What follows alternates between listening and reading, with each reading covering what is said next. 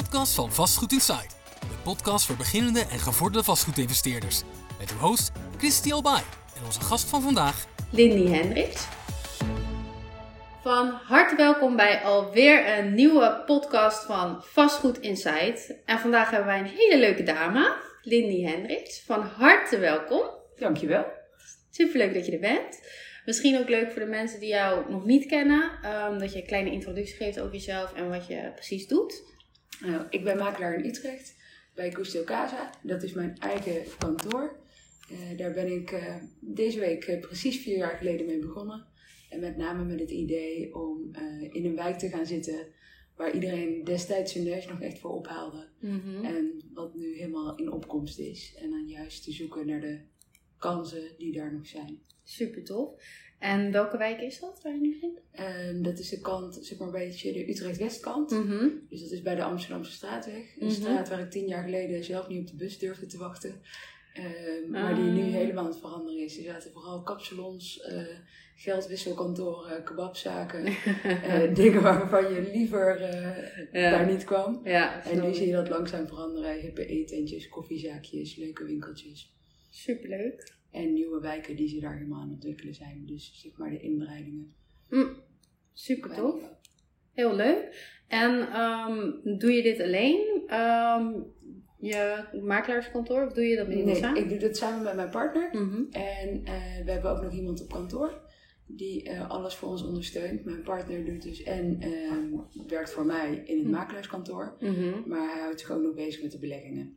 Dus hij zoekt ook nog uh, beleggingsvastgoed voor onze aankoopopdrachtgevers. Ik vond dat zelf wat minder leuk. Mm -hmm. En hij heeft een uh, financiële achtergrond. Dus hij vond juist de cijfertjes leuk. En ik hou ik. iets meer... Ik ben een mega nerd, dus ik vind cijfertjes heel leuk om te onderbouwen mm -hmm. hoe de woningmarkt verloopt. Ja. Maar ik vind het ook heel erg leuk om met vaasjes te schuiven en te zorgen dat de fotograaf op de juiste plek staat. Ja, precies. Dat is een goede combi. Zeker. Heel leuk. Um, nou, we hadden het hier net al even over, zeg maar, voordat de podcast begon, over de huidige marktsituatie. Dus wel, uh, wel leuk, omdat wij natuurlijk allebei uh, ja, nu de verkopen. En we merken allebei dat er wel aardig wat aan de hand is in vergelijking met uh, een paar maanden geleden, zeg maar. Ja, als je kijkt in Utrecht alleen had je 32.000 zoekers. Mm -hmm. Dat was nog in januari, februari, tot aan zo'n beetje maart. Mm -hmm. En dan had je ongeveer 400 woningen in aanbod. Op dit moment hebben we 25.000 zoekers voor Utrecht en 1200 woningen in aanbod. En ik heb toevallig vanochtend nog wel even in onze data gekeken. Je ziet dat de aanbodcijfers zijn maar met zo'n beetje 76 procent in het tweede kwartaal gestegen. En dat is best wel veel. Ja. In heel Nederland is dat 42 procent. Ja. Dus je ziet dat Utrecht ook harder stijgt met het aanbod uh, dan andere steden. Een beetje, heb je ook een idee waardoor dat zou kunnen komen? Mm, ik denk wel dat vrij veel mensen uh, een hele tijd wachten met hun woning aanmelden. Dus mm -hmm. ze kochten al een nieuwe woning. En dan probeerden ze zo lang mogelijk die stijgingen mee, mee te pakken. En veel mensen vanuit Utrecht die ja, gingen door de lage rente, konden ze een heel groot huis kopen. Ja. Ergens buiten Utrecht. En mm -hmm. dan gingen ze er per maand op vooruit. Mm -hmm. En hoe langer ze wachten met verkopen, hoe meer nou ja, cash je letterlijk ja. uh, hadden. En je ziet nu dat ze in één keer allemaal heel snel willen verkopen. En ook mm -hmm. de mensen die nog allemaal nieuwbouw hebben gekocht, ja. die willen in één keer ook allemaal verkopen. Omdat ze bang zijn dat het gewoon te hard gaat dalen nu. Ja, precies. Ja, want inderdaad, uh, als je nu bezichtigingen hebt, komen er minder mensen. Had je, uh, gaf je ook aan. Wij hadden vorig jaar, in de zomervakantie is het altijd heel rustig, maar vorig jaar net na de zomervakantie, dus in oktober, mm -hmm. hebben we echt een recordmaand gedraaid. En dan hadden we vaak rond de 100 bezichtigingsaanvragen per woning. Mm -hmm. We hebben er nu, als we er vijf hebben, zijn we best wel blij. Um, als je echt een leuke woning hebt met een goede tuin, voldoende slaapkamers, mm -hmm. uh, een leuke woonkamer, dan zit je nu zo rond de 25 bezichtigingen. Uh, en voorheen had je ook voor minder leuke woningen minimaal 25 bezichtigingen. Ja. En had je echt je dagen helemaal vol. Ik heb nu soms wel eens dat ik denk smiddags, oh, het is mooi weer, ik kan eigenlijk best wel ook even iets leuks gaan doen. Ik hoef niet per se nog tot vanavond laat door te, door te gaan werken. het is echt iets wat je heel lang niet meer hebt gehad. En je soms bijna een beetje schuldig voelt dat je denkt, oh, ja. ik heb even iets meer tijd. En dat komt gewoon puur omdat je niet meer hele volle dagen met bezichtigingen hebt. Je kunt nu het werk wat je normaal na je bezichtigingen mm -hmm. vaak nog moest doen, ja. de onderhandelingen, kun je nu soms al gewoon in de middag doen. Ja. Ja. En dat scheelt best wel veel. Ja, het brengt voor- en nadelen met zich mee, hè? En ik denk dat het grootste gedeelte zit in de rentestijging. Mhm. Ehm, als je kijkt dat toen de grote vraag er nog was in Mhm. het eerste kwartaal was de rente ongeveer 1,8. Mhm. Nu is het ongeveer 4, 4,1. Ehm, en als je kijkt naar wat dat per maand betekent op een woning van bijvoorbeeld 6,5 ton, dat zijn onze gemiddelde rijtjeshuizen in Utrecht, Ja. eh, betekent dat 775 euro per maand. Daar zit natuurlijk een stukje aflossing in, daar zit natuurlijk een stukje met ehm, zeg maar hypotheekrente aftrek in. Maar als je gewoon puur alleen kijkt naar wat je bruto per maand betaalt, is dat bijna 2 ton aan hypotheek, zo'n Mhm. maandbedrag. Nou, Ja. Dat betekent ook wel, ja, als je puur naar de maandlast zou kijken, waar heel lang alleen maar naar gekeken werd, zou Mhm. je zeggen dat een woning al 2 ton minder waard zou moeten zijn voor het maandbedrag. Ja. En dat zijn natuurlijk best wel schokkende cijfers. Dus eigenlijk zijn de woningen nu gewoon nog veel duurder dan dat ze waren, ook al zakken ze misschien wat in prijs. Ja. Ja, dat is een hele goede uitleg, want het is inderdaad wel wat er nu aan de hand is. Dus ik moet wel zeggen dat sommige mensen nog wel denken dat het, dat het echt een booming market is op dit moment. Maar ik, ik denk juist door die stijgende rente, wat jij net ook aangeeft, is het gewoon minder interessant geworden, minder lucratief. En ook voor de beleggers, zeg maar, om eh, iets aan te schaffen. Wat ik de- nu denk voor beleggers wat interessant is, en zeker als je wat meer cash hebt, dus dat je niet alleen maar, iedereen heeft natuurlijk jarenlang alleen maar gebruik Mhm. gemaakt van het hefboomeffect. Maar als je nu cash hebt, kun je best wel interessant, denk ik, wat woningen Mhm. kopen. Of in ieder geval als jij goede mensen hebt om te flippen. Mhm. dan zit daar zeker wat in. Mensen zijn nu allemaal aan het wachten omdat die rente weer... Hij was in juni volgens mij 4,4, de Rabobankbasis, Ja. 4,41. Nu is die 4,01, dus je ziet hem al iets dalen. Ik merk dat mensen aan het wachten zijn totdat die rente daalt. En ik Mhm. denk dat als die rente daalt, dat mensen ook in één keer weer gaan kopen. Dus dat daar nu... Ja, het is speculeren, maar ik denk wel dat mensen daar nu Ja. heel veel geld mee kunnen gaan verdienen. Ja, zeker weten. En zeker ook, ja, we hebben de stikstofcrisis en de boeren. Als je ergens Mhm. een stuk koopt en een hele lange adem hebt. En Ja. je gaat dat splitsen en daar bouwkavels van zien te maken. Eh, ik denk dat daar nu het meeste in zit. Want als je alleen maar puur naar je rendement kijkt op een verhuurde woning. Ook daar met de stijgende rente kom je gewoon bijna niet meer uit. Nee, klopt. En mensen verkopen hun woning nog niet ehm, voor dit soort bedragen. Want ze rekenen nog allemaal met de waarde van een paar maanden geleden. Ja, klopt. Ja, heel interessant ja. En merk je zelf ook dat je meer aanvragen krijgt voor verkoop? Ja, zeker. We krijgen veel meer aanvragen. Ik merk ook dat ehm, wij zijn misschien niet de allergoedkoopste. Er zijn een aantal collega's die daalden best wel met hun coutages. Wij doen er wat meer voor. We hebben bijvoorbeeld ook een hele stylingkast met spullen. Eh, dus als een woning net niet helemaal lekker presenteert, dan ga ik rustig met mijn eigen kussens erheen, de kaarsen, alles zetten we neer. Ja. En je merkt dat mensen dat nu gaan zien. Mhm. Eh, dat het niet meer is, oké, we hebben toch 40 bezichtigingen. Oké, maak er maar een inschrijving van en laat het maar komen. ja. Wat jij net ook al even in het eh, gesprek zei, van Ja. ja. je moet nu echt pitchen. Je moet nu echt alles van je beste kant laten zien. Ja. En ik merk dat mensen nu bij ons komen. Wij zijn realistisch, dus ik vertel liever in een gesprek hoe de markt er echt uitziet. Dan Ja. zeggen mensen wel eens, ja, ik heb niet voor jou gekozen, want ik heb het gevoel dat je niet gelooft in de markt. Eh, nou, ik geloof er zeker in, maar ik wil gewoon dat er... En dat is ook met beleggingen, dat is met gewoon vastgoed. Mhm. Je rekensom moet kloppen. En zolang die rekensom klopt, is alles heel simpel. Mhm. Maar als die rekensommen niet kloppen, dan moet je ergens aan knoppen gaan draaien, zodat de rekensom uiteindelijk wel gaat Ja. kloppen. En je merkt dat mensen dat nu langzaam na een paar maanden beginnen te begrijpen dat een woning zich niet altijd helemaal meer vanzelf verkoopt. Dat je er iets voor moet doen. En dat je mensen aan de hand moet meenemen in een proces en moet uitleggen hoe dingen zitten. Mhm. En ik zie nu ook beleggers bij ons komen met financieringen dat ik, voor de hypotheek en dat taxeer ik vaak. Mhm. Eh, die kloppen ook niet meer helemaal, want ze hebben nog allemaal gerekend met veel lagere rente en veel lagere Ja. NAR's. Eh, maar je kunt hem eigenlijk al niet meer taxeren met een NAR van 3,2. Nee. Want die rente zit al hoger, dus daar ga je nooit meer uitkomen. Ja, dat zijn wel, eh, wel grote veranderingen die, eh, die dan plaatsvinden. Maar ik denk ook omdat juist jullie qua eh makelaardij meer de moeite doen. Ik denk dat mensen daar eerder voor zouden kiezen. Dat jij met je eigen kussentjes aankomt, met je kaarsen en het gezellig maakt.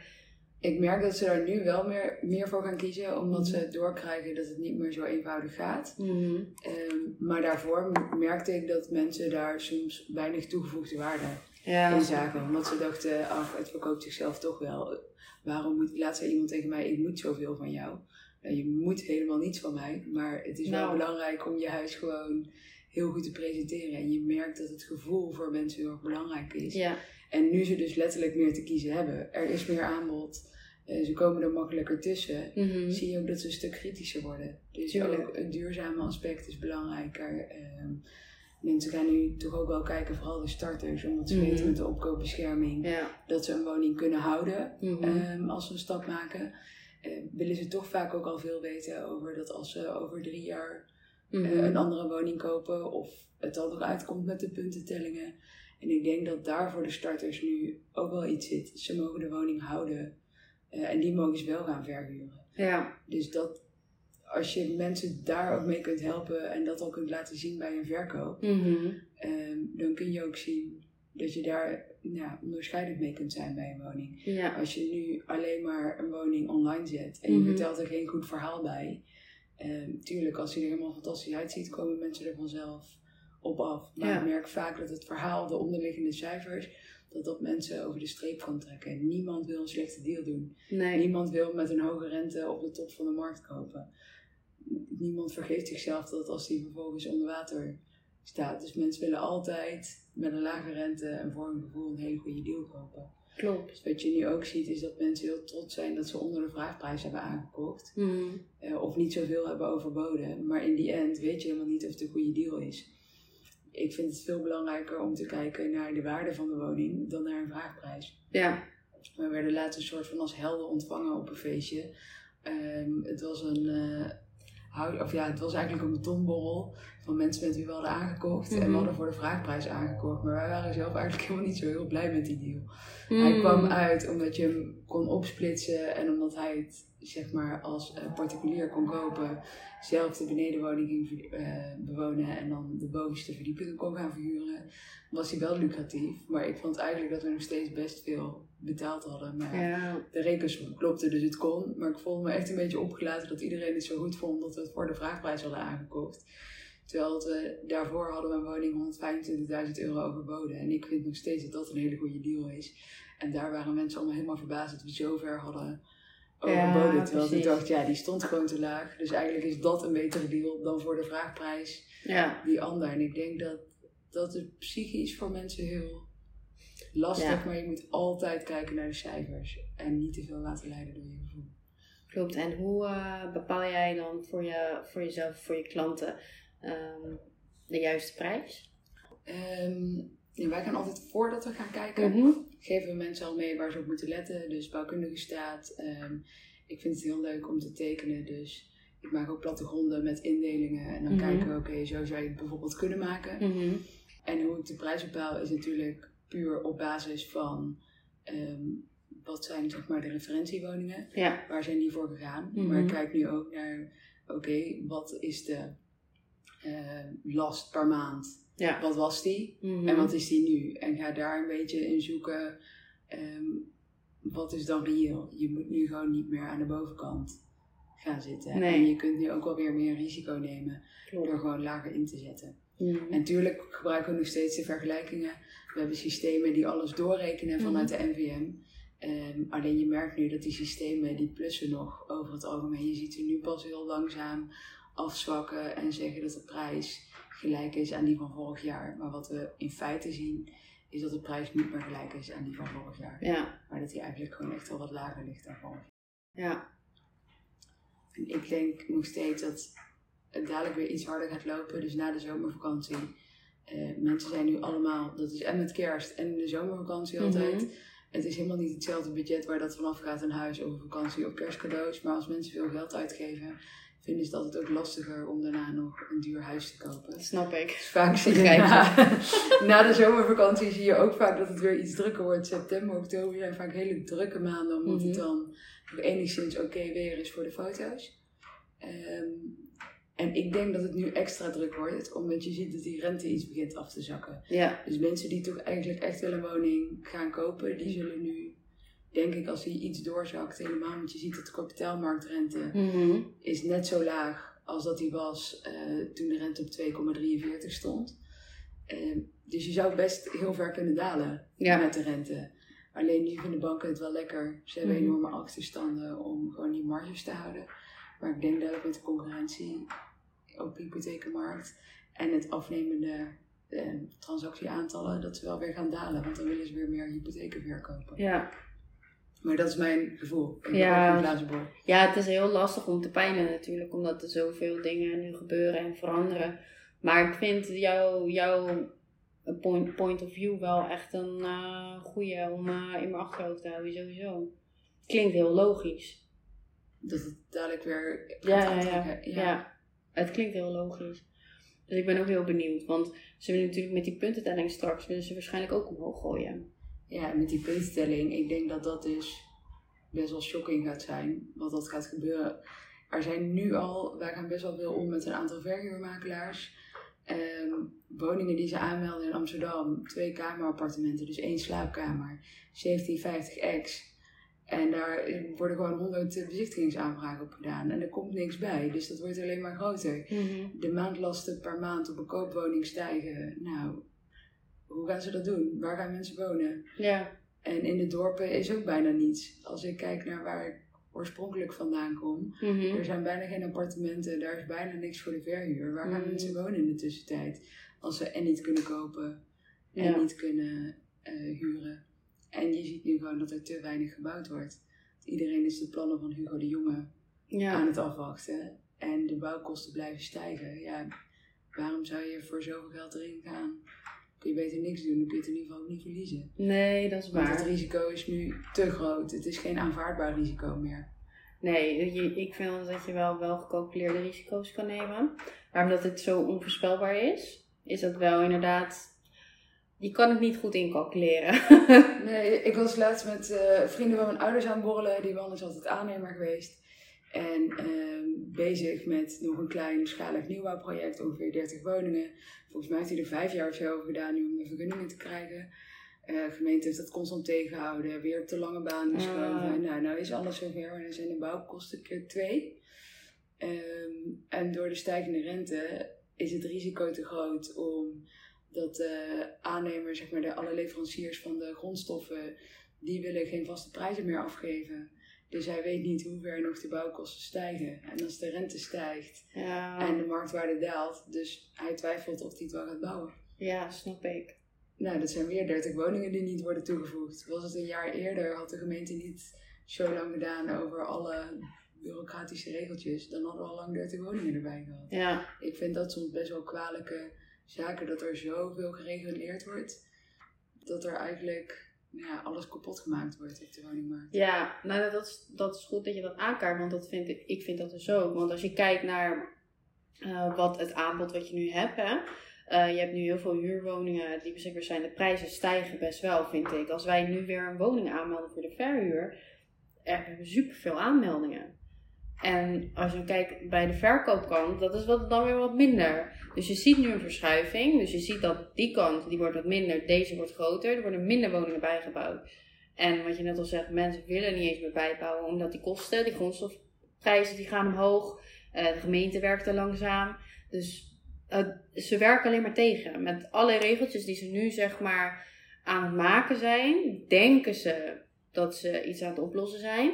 Terwijl ze het probleem in principe nog veel erger aan het maken zijn. Ja, ik vind het zelf ook een heel goed voorbeeld. Wij waren zelf bezig met een eh, pand in Limburg. Mhm.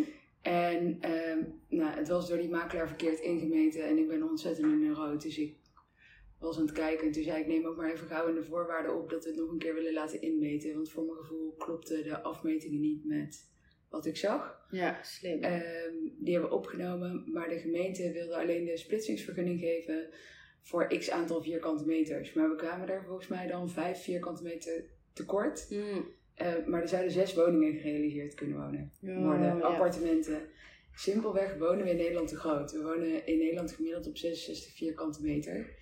Terwijl het, de rest van Europa leeft gemiddeld op 44 vierkante meter. Mm. We willen ook allemaal vrij grote appartementen blijven bouwen in Nederland. En ook, ik snap dat het geen hokjes van 25 vierkante meter mogen zijn. Maar ze moeten allemaal minimaal, moesten zo'n beetje rond de 50 vierkante meter zijn in Limburg. Ja.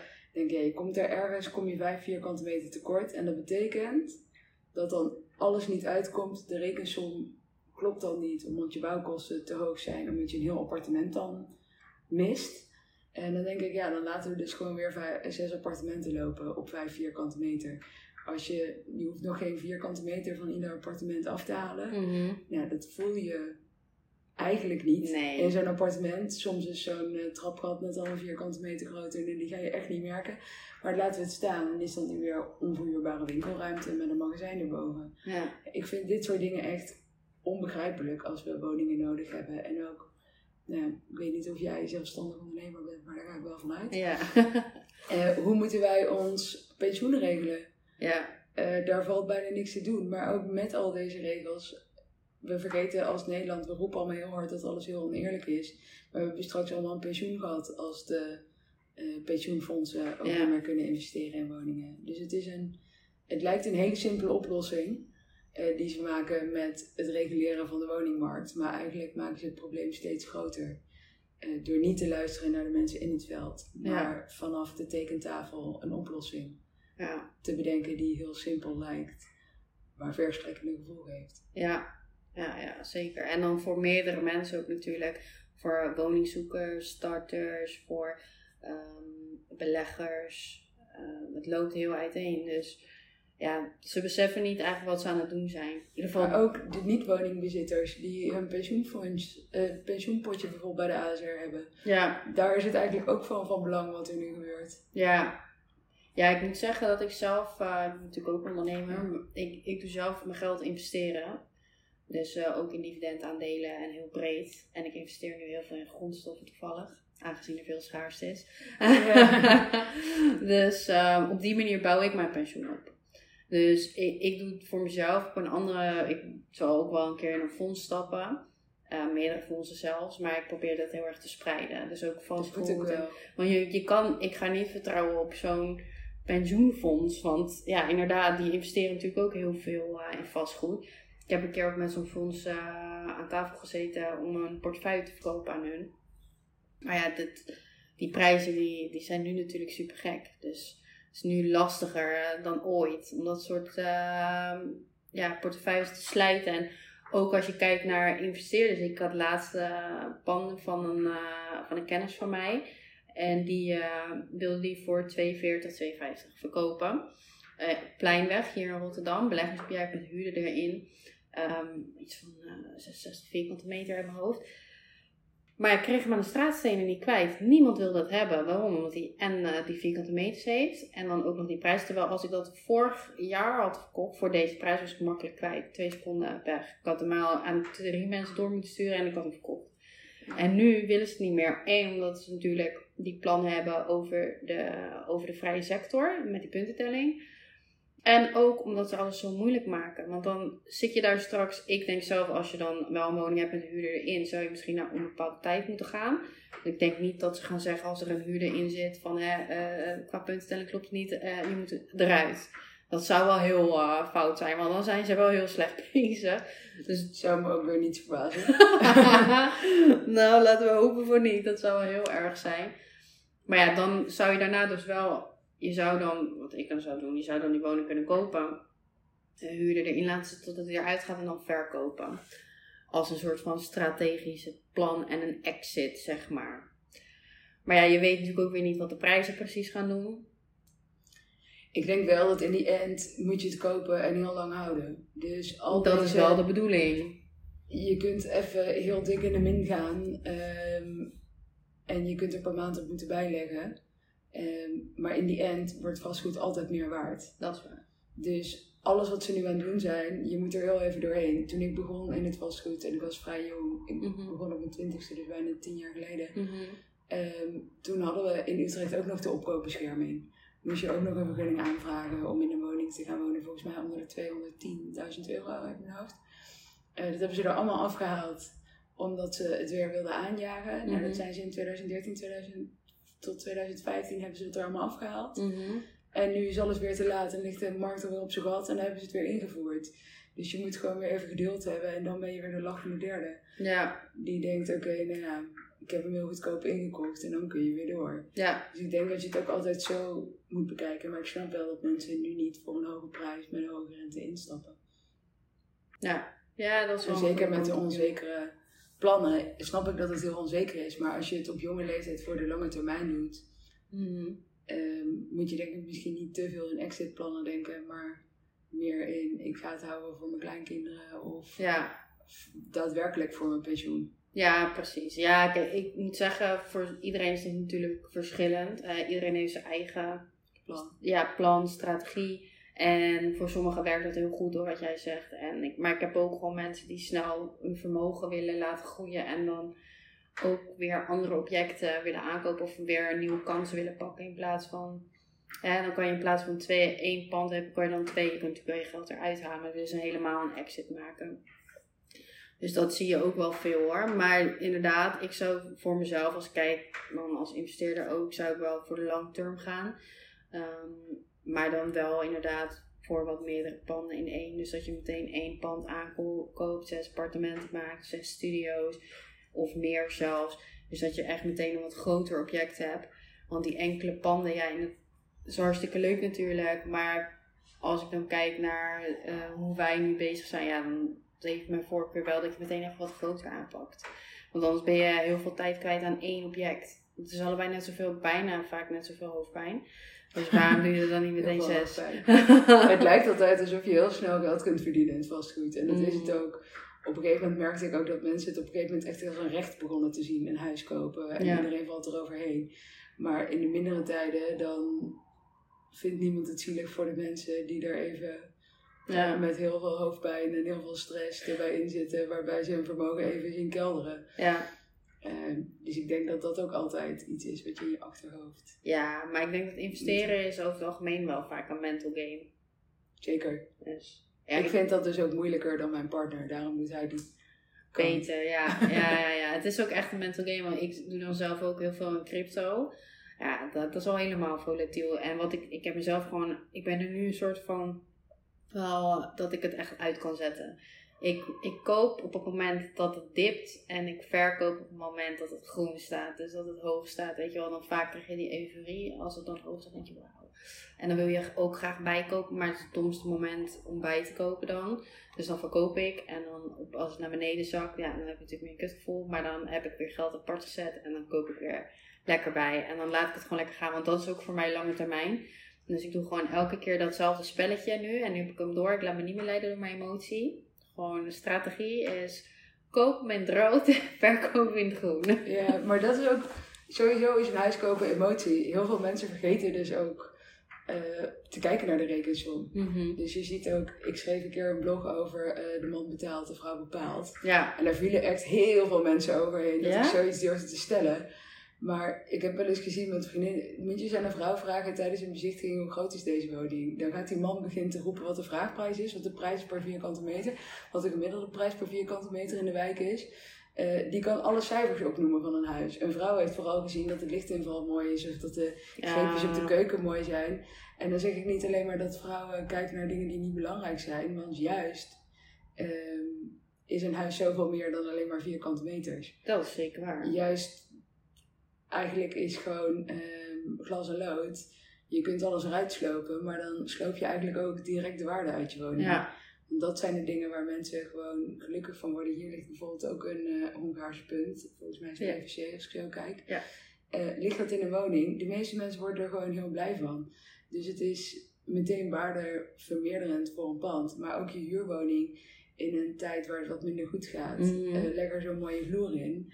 En mensen kiezen toch voor jouw huis. ja, Dus soms kun je ook je huis met een paar hele kleine ingrepen heel veel meer waard laten worden ja, om het aan te passen aan de mainstream eh, smaak. Het hoeft niet per se jouw smaak te zijn.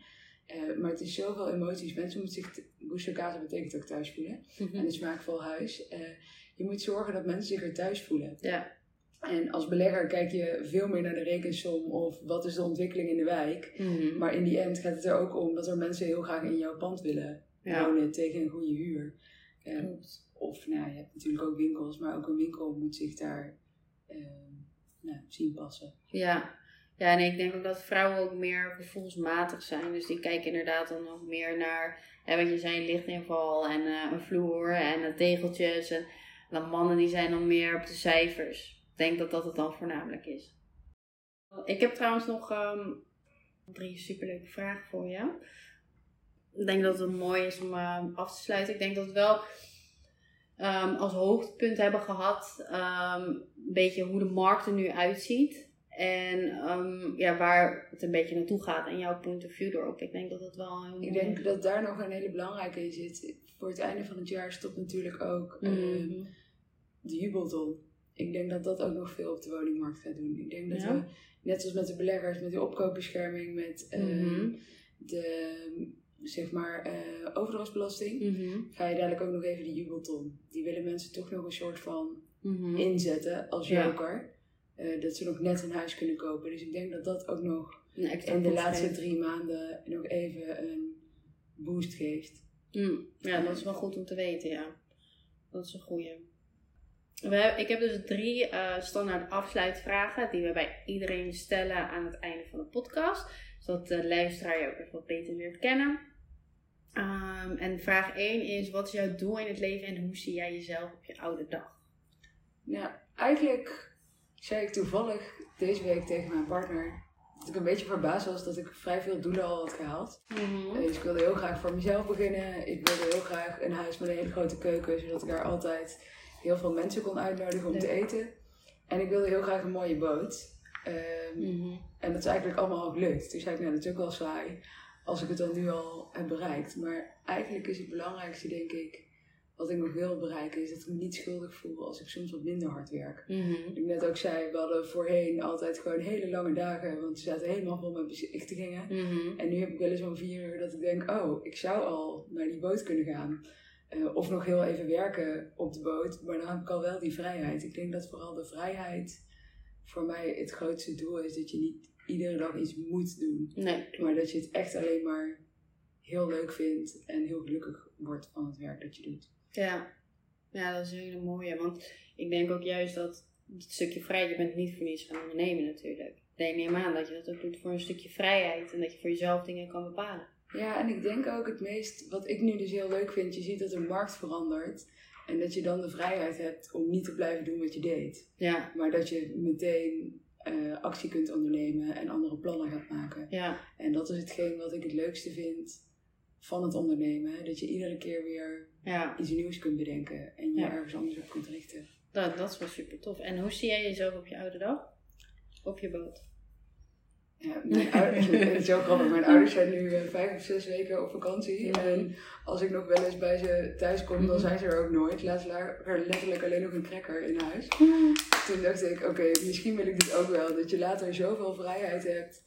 Um, en hij werkt iedere ochtend nog en hij is altijd nog aan het werk, maar dat je werk echt je hobby is. Ja. En dat je zoveel kunt genieten van de dingen die jij leuk vindt. Ik denk dat ik mezelf wel zo zie. Ja. Dus dat ik het nu moet je nog harken en zorgen dat je vermogen groeit. Zodat je daarna echt alleen kiest om te werken, omdat je het simpelweg gewoon heel erg leuk vindt ja. om te doen. Ik zou namelijk ook echt niet weten wat ik voor ander werk moet doen, want dit is gewoon het leukste wat er is. Ja, dat is super mooi. Nice. Dus je zou op, uh, op je oude dag dan uh, net een beetje als je ouders. Heel veel willen varen en tegelijkertijd ook nog steeds willen werken. Ik ja. denk dat als je daarmee stopt, dat je het wereldje heel klein wordt. Ja, ja, maar daarom vind ik ook belangrijk dat je werk wel echt je passie is. Dat moet wel echt iets zijn wat het vuurtje in jou. Als je, ik zie best wel veel makelaars nu die echt werken voor het geld. Mm. Dus gewoon een woning aanmelden. Nou ja, dat gaat nu dus even iets minder makkelijk. Uh, die gingen zitten, die lieten mensen rondlopen en die zeiden ja, bijvoorbeeld vrijdag 12 uur is de inschrijving. Dan doe je het daadwerkelijk alleen voor het geld. Ja, ja. Dan zou ik iets anders gaan doen. Ja, Want beetje. Bij dit werk heb je stiekem ook best veel stress vaak. Uh, dan zou ik iets gaan doen waar je met veel minder stress uh, je dagen kunt slijten. Ja. ja, nu wordt het wel meer stressvol inderdaad. Daar ben ik het mee eens. ik heb het ervaren. Um, nou ja, het is eigenlijk iets wat een beetje al aansluit, zo aangeven. Wat vind jij het leukste aan jouw job? Um, ik heb echt een spanningsboog van vijf minuten. Um, dus ik vind het heel erg leuk dat net bijvoorbeeld toen ik ook moest op de podcast, zat ik ook even in de data en was ik een blog aan het schrijven over hoe de woningmarkt nu aan het veranderen is. Eh, dat kan ik doen, maar vervolgens sta ik ook wel eens in de krant om alles in te laden om weer een stylingkast eh, Mhm. extra in te vullen, zodat we meer woningen Ja. eh, weer kunnen stylen. En daarna luister ik naar een verhaal van iemand eh, die gaat scheiden of die ernstig ziek is en daarom zijn Mhm. huis gaat verkopen. Dus je bent soms ook gewoon psycholoog of iemands nieuwe beste vriendin, Ja, eh, omdat je samen een heel bijzonder project doorgaat. Ja. Ofwel kocht wel laat iets aan voor een belegger, ehm, haar man overleden. eh, wilde eigenlijk toch wel minder gaan werken en meer Mhm. bij haar zoontje zijn. En dan vind ik het heel mooi dat je gaat rekenen en gaat kijken van oké, hoe kunnen we zo snel mogelijk Mhm. jouw doel behalen dat je iets meer kunt gaan genieten van het leven samen in plaats van alleen maar werken. Ja. Ik denk dat dat de mooiste dingen zijn van het werk, de afwisseling en Ja. dat je echt iets voor iemand kunt betekenen. Ja, super tof. Heel mooi. En dan heb ik de leukste vraag als laatste bewaard. Eh, wat is eh, de meest waardevolle les die je hebt geleerd? En dan een beetje reflecteerd op de afgelopen twaalf maanden. Ehm, voor mij de meest waardevolle les is, er belde iemand huilend op of ik haar alsjeblieft kon helpen. Ik ging door tot 's avonds laat. En de volgende dag was er dus wel een makelaar die iets meer op het geld zit. Die had ze helemaal omgepraat, dat ze echt voor hem moesten gaan. Toen dacht ik, ja, soms moet je niet te goed zijn en niet alleen maar uitgaan van het goede van de mens. Soms moet je eerst mensen laten tekenen en dan pas heel hard gaan werken. Ja, In plaats van, ik doe altijd alles met het idee dat iedereen het hart op zijn op de de juiste juiste plek plek heeft zitten. Ja. En dat als ik mensen behandel zoals ik zelf behandeld zou willen worden, dat het dan terugkomt. Mhm. Eh, en soms zie je even heel hard dat dat niet zo is. Mhm. En ik wil enerzijds niet verliezen om altijd heel Mhm. hard voor iemand te rennen. Anderzijds heb ik wel weer geleerd dat je iemand eerst moet laten tekenen Ja, voordat je heel hard gaat rennen. ja. Nou ja, het is alleen maar mooi dat je zo denkt. En dat je zo bent als persoon.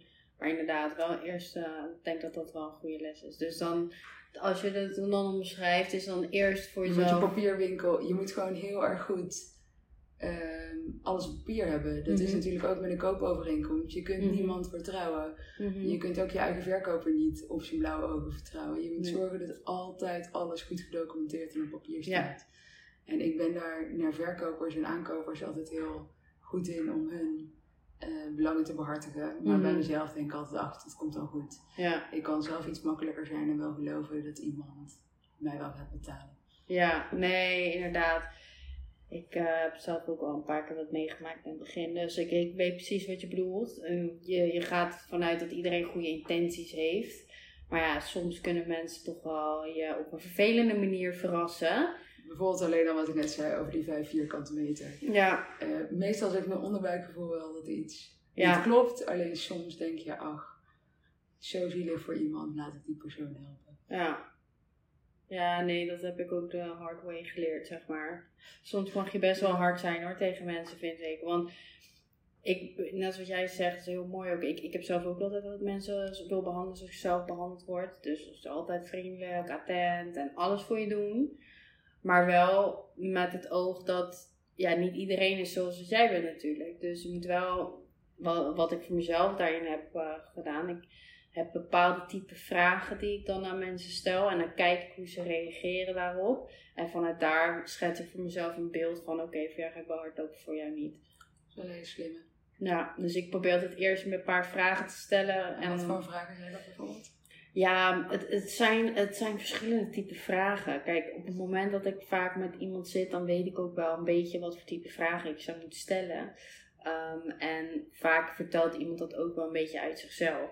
Dus het zal dan ook bijvoorbeeld een schets zijn van een situatie. Wat ik vaak vraag dan, of iemand vertelt mij al iets en dan ga ik daarop doorvragen. Dus het is afhankelijk echt van de situatie. Maar wel dan echt persoonlijke vragen. Dus ehm, om even een voorbeeld te geven. Ehm, wat ik vaak doe is vaak op iemands gevoel doorvragen. Dus als iemand dan een situatie aan mij schetst, als iemand mij iets vertelt, ga ik dan van nou, voel je daar dan bij? Maar voel je daar dan echt bij? En dan ehm, gaan ze vaak een bepaald antwoord geven waar je dus heel veel uit kan halen. En daar vraag ik dan weer op door. Dus vaak is het een opeenstapeling van vragen waarop ik heel diep doorvraag. En dan kan ik heel goed inschatten wat ik een beetje van die persoon moet vinden. Ik heb er een heel boek over gelezen. Ik zal hem naar je doorsturen. Leuk. en daarmee kan je een redelijk goed beeld van mensen schetsen.